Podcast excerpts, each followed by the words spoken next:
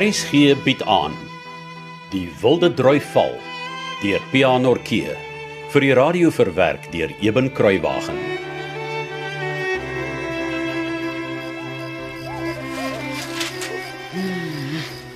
Wat 'n mes. Wat sê die koerant pa? Die Duitsers val Frankryk en België nou binne. Hulle kolonne spoel letterlik soos 'n vloedgolf oor Europa. When is it going to end? Maar maar wat maak die geallieerdes dan? Kan niemand keer dat generaal von Falkenhayn omtrent net doen wat hy wil nie? Keiser Wilhelm II het baie sterk beheer oor sy magte. Hulle is baie lojaal. En die geallieerdes Henry Asquith van Groot-Brittanje en Joseph Joffrey van Frankryk word baie gekritiseer oor hulle leierskap. En die Russe het hulle eie probleme. Hulle wil van Tsar Nicholas II ontslaa raak en dit lyk of daar 'n burgeroorlog dreig.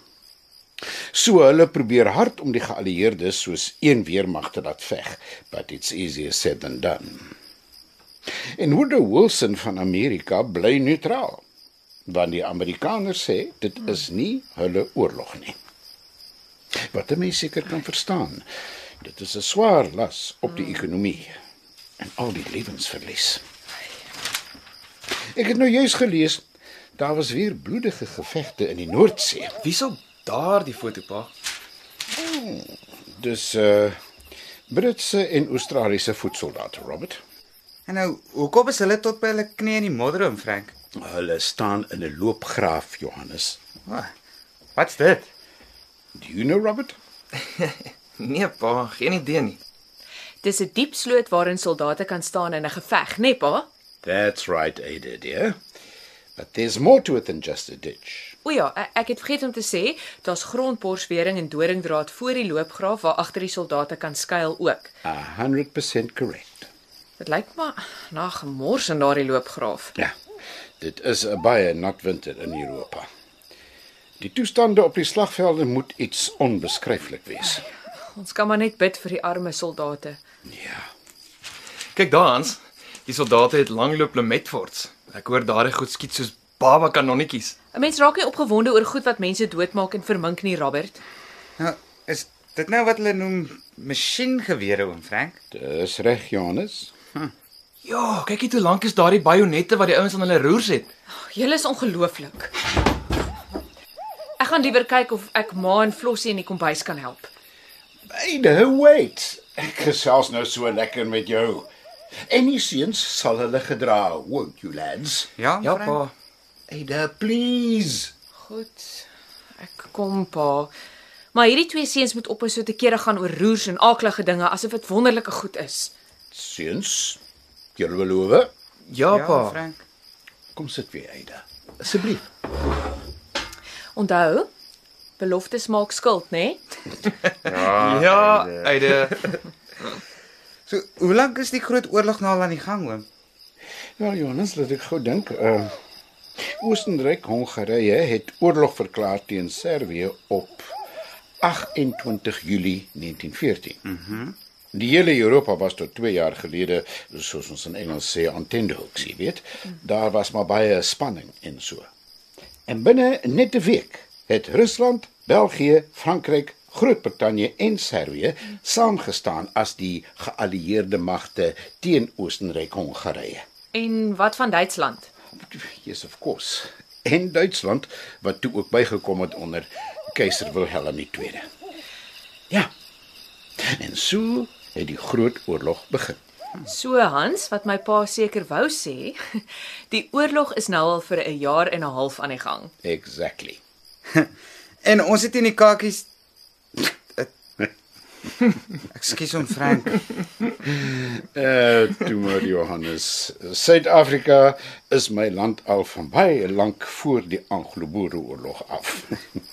Ja, oom. Maar daai oorlog was ook 3 jaar lank, né, nee, oom?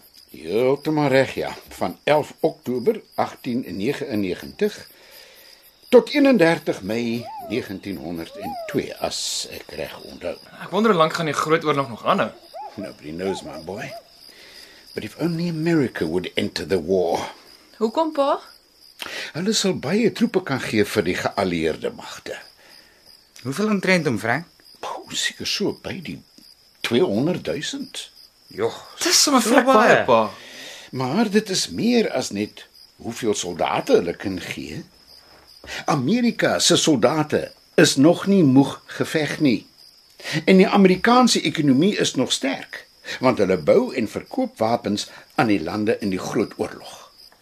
Hulle sal die geallieerdes baie kan help. Kyk net hierdie Amerikaanse vegvliegtuig. Wat is daardie goed onder sy vlerke, pa? Bomme. Die vliegtuig kan nou twee bomme onder elke vlerk dra. Dis verskriklik. En dit lyk vir my agter die loods se sitplek is daar 'n hokkie vir iemand om te kan sit en skiet met 'n masjiengeweer, om Frank. Ja, dit is Maar wat moet hy dan nou skiet, pa? die vyand se vliegtuie. Wat? Die idee is seker om die vyand se vliegtuie te probeer afskiet voor hulle ver genoeg gevlieg het om die bomme te kan afgooi. Dis goed en dis verskriklik. Ja. Wat word tog van die wêreld?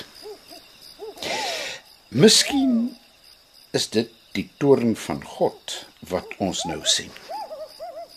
Die Armageddon waarvan ons lees in die Bybel.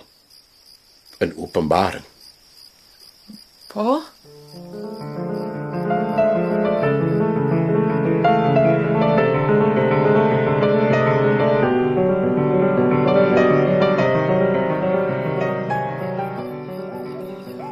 Wij lezen uit de boek van de Openbaring, hoofdstuk 16. In de vijfde engel goot zijn viool uit op den troon van het beest. En zijn rijk is verduisterd geworden. En zij kouden hun tongen van pijn. En zij lasterden den God des hemels wegens hun pijnen en wegens hun gezweren. En de zesde engel goot zijn viool uit op de grote rivier den Eufraat.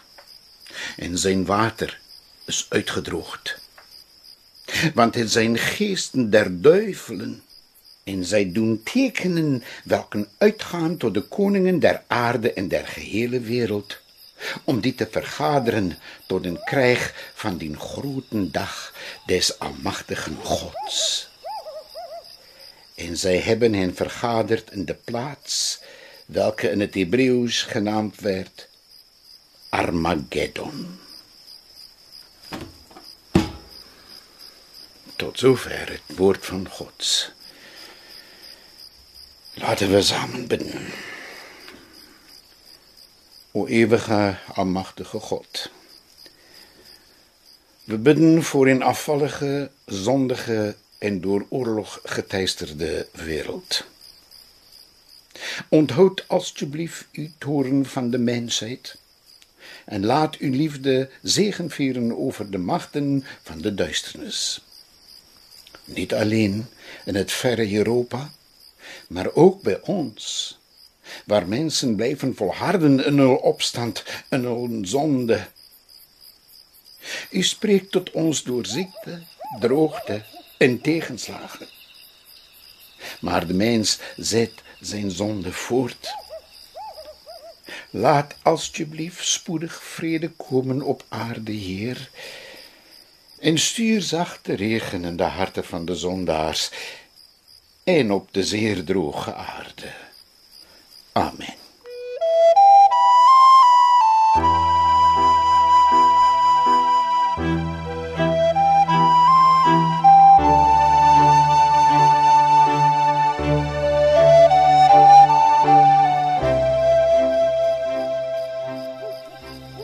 En nou, Hans? Nee. is- Al die dinge waar ons gepraat het vanaand. O, jy meen die oorlog en so. Ja, dit ook. Maar miskien nog meer oor wat jou pa gesê het en hoe hy gebid het.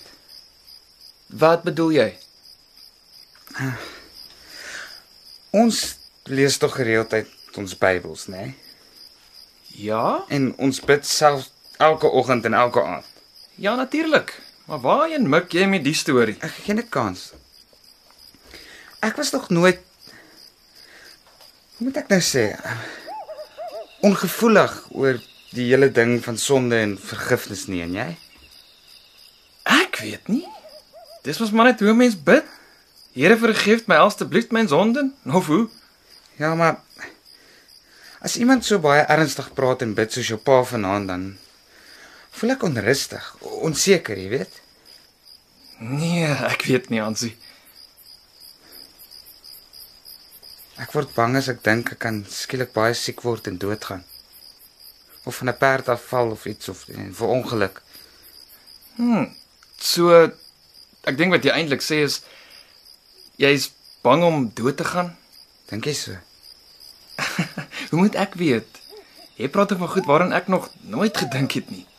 Ag, dit lyk nie vir my jou pa voel soos ek nie. Ook nie Eide nie. Hoe dink jy voel hulle? Hulle klink altyd vir my so seker van hulle saak as hulle bid. Nee, ek's jammer Hans. Dis 'n saak wat ek glad nie verstaan nie of glad nie oor kan saampraat nie. Hm.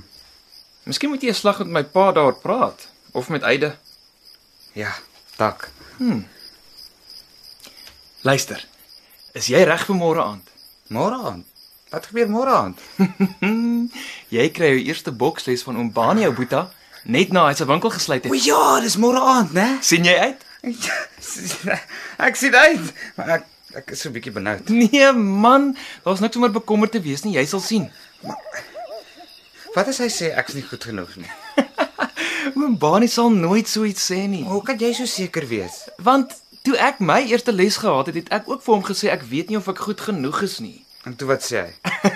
hy het 'n klomp goed gesê in 'n taal wat ek glad nie kon verstaan nie. En toe sê hy net I teach, you learn. Hy het seker gesê almal is goed genoeg of so iets. ja, seker. Ons moet net nie vergeet om môre middag na skool eers by hom Willie naaste help boontjies skoffel nie, né? Ek sal nog my eie begrafnis vergeet. Maar sou waar nooit om ekstra sakgeld te verdien nie. Robbie.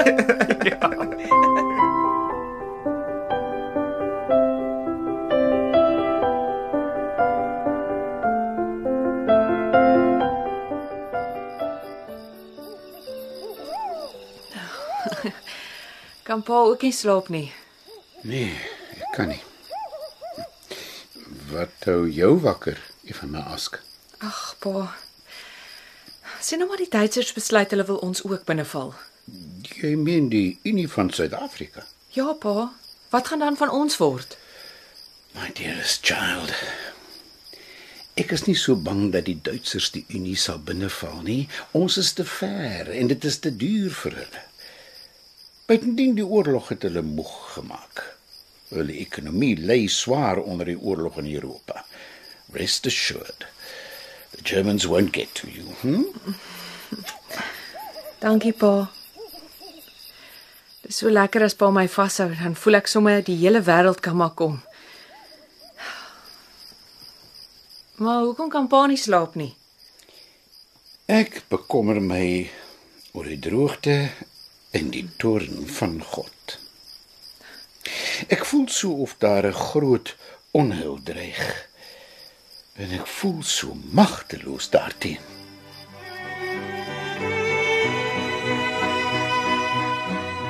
Die Wilde Drui Val deur Pianorkee is in 1982 uitgegee deur Tafelberg Uitgewers. Die verhaal word vir RSG verwerk deur Eben Kruiwagen. Dit word in Kaapstad opgevoer onder regie van Joni Combrink en tegnies en akoesties versorg deur Cassie Lauers.